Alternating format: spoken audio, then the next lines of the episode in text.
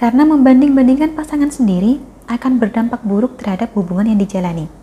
Dan itulah yang kali ini akan kita bahas.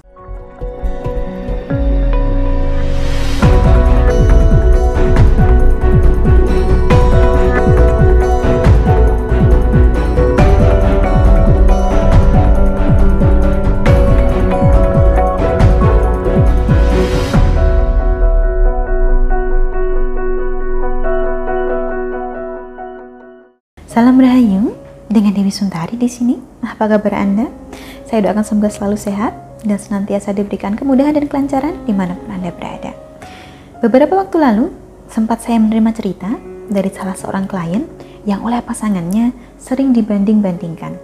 Entah itu dibandingkan dengan istri orang atau bahkan dibandingkan dengan mantan pasangannya yang terdahulu.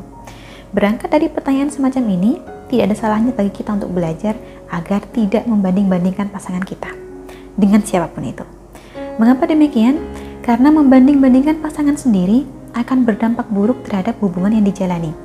Dan itulah yang kali ini akan kita bahas, yaitu soal dampaknya bila kita membanding-bandingkan pasangan kita dengan orang lain.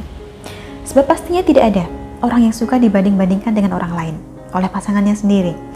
Hal semacam ini hanya akan menimbulkan sakit hati serta menimbulkan berbagai masalah sebagai berikut ini. Yang pertama, Sikap membanding-bandingkan hanya akan membuang kebahagiaan dalam sebuah hubungan.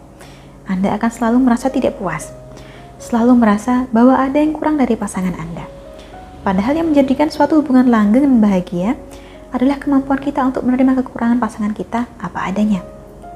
Jika Anda tidak bisa menerima kekurangan pasangan, maka wajar bila ujung-ujungnya Anda pun tidak bahagia. Yang kedua, tindakan kita membanding-bandingkan pasangan juga akan membuat hubungan ini menjadi tidak sehat. Secara perlahan, rasa tidak puas Anda akan kekurangan pasangan akan menjadikan Anda serba menuntut. Memaksa pasangan untuk menjadi sosok yang Anda inginkan. Padahal kita sendiri pun pasti punya kekurangan dan kita tidak ingin dipaksa menjadi orang lain. Hal semacam ini, bila dibiarkan terus-menerus, hanya akan menyakiti kedua belah pihak. Di satu sisi Anda merasa tidak bahagia, dan pasangan Anda pun tertekan menjalaninya. Yang ketiga, jika kita membanding-bandingkan pasangan kita dengan orang lain, maka pasangan akan merasa dirinya tidak berharga. Pasangan kita akan mulai menyakiti dirinya sendiri, menyalahkan dirinya sendiri, menganggap ada yang salah dengan dirinya, hanya karena tidak bisa memenuhi ekspektasi Anda. Padahal Anda sendirilah yang menciptakan ekspektasi tersebut.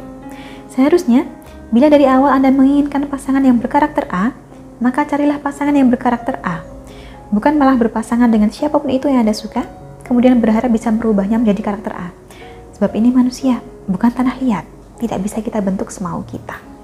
Yang keempat, selama kita masih suka membanding-bandingkan pasangan kita dengan orang lain, maka inilah tanda bahwa kita belum siap menjalin hubungan.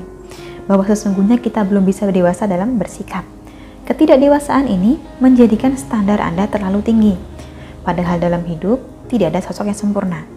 Semua orang pasti punya kekurangan dan kelebihannya. Jika memang tidak bisa menerima kekurangan pasangan, maka selesaikanlah hubungan ini baik-baik, bukan malah membanding-bandingkan pasangan dengan orang lain. Kemudian yang terakhir atau yang kelima, kebiasaan membanding-bandingkan pasangan pada akhirnya akan membuat hubungan yang kita jalin berakhir sia-sia. Pada akhirnya pasangan akan merasa lelah dan bosan dengan sikap kita yang terlalu menuntut, sehingga ia pun memutuskan hubungan secara sepihak. Bila Anda tidak ingin hal semacam ini terjadi, maka mulai sekarang mari kita hilangkan kebiasaan ini Jangan sampai kita terbiasa membanding-bandingkan pasangan kita dengan orang lain, siapa pun itu. Karena kita sendiri pun pasti tidak ingin dibanding-bandingkan. Lebih baik kita terima kekurangan sekaligus kelebihan pasangan kita dan bila ingin memperbaiki diri, maka mari kita lakukan sama-sama. Demikianlah kurang lebihnya dapat saya sampaikan. Terima kasih banyak telah menyaksikan. Sampai jumpa di kesempatan selanjutnya dan salam rahayu.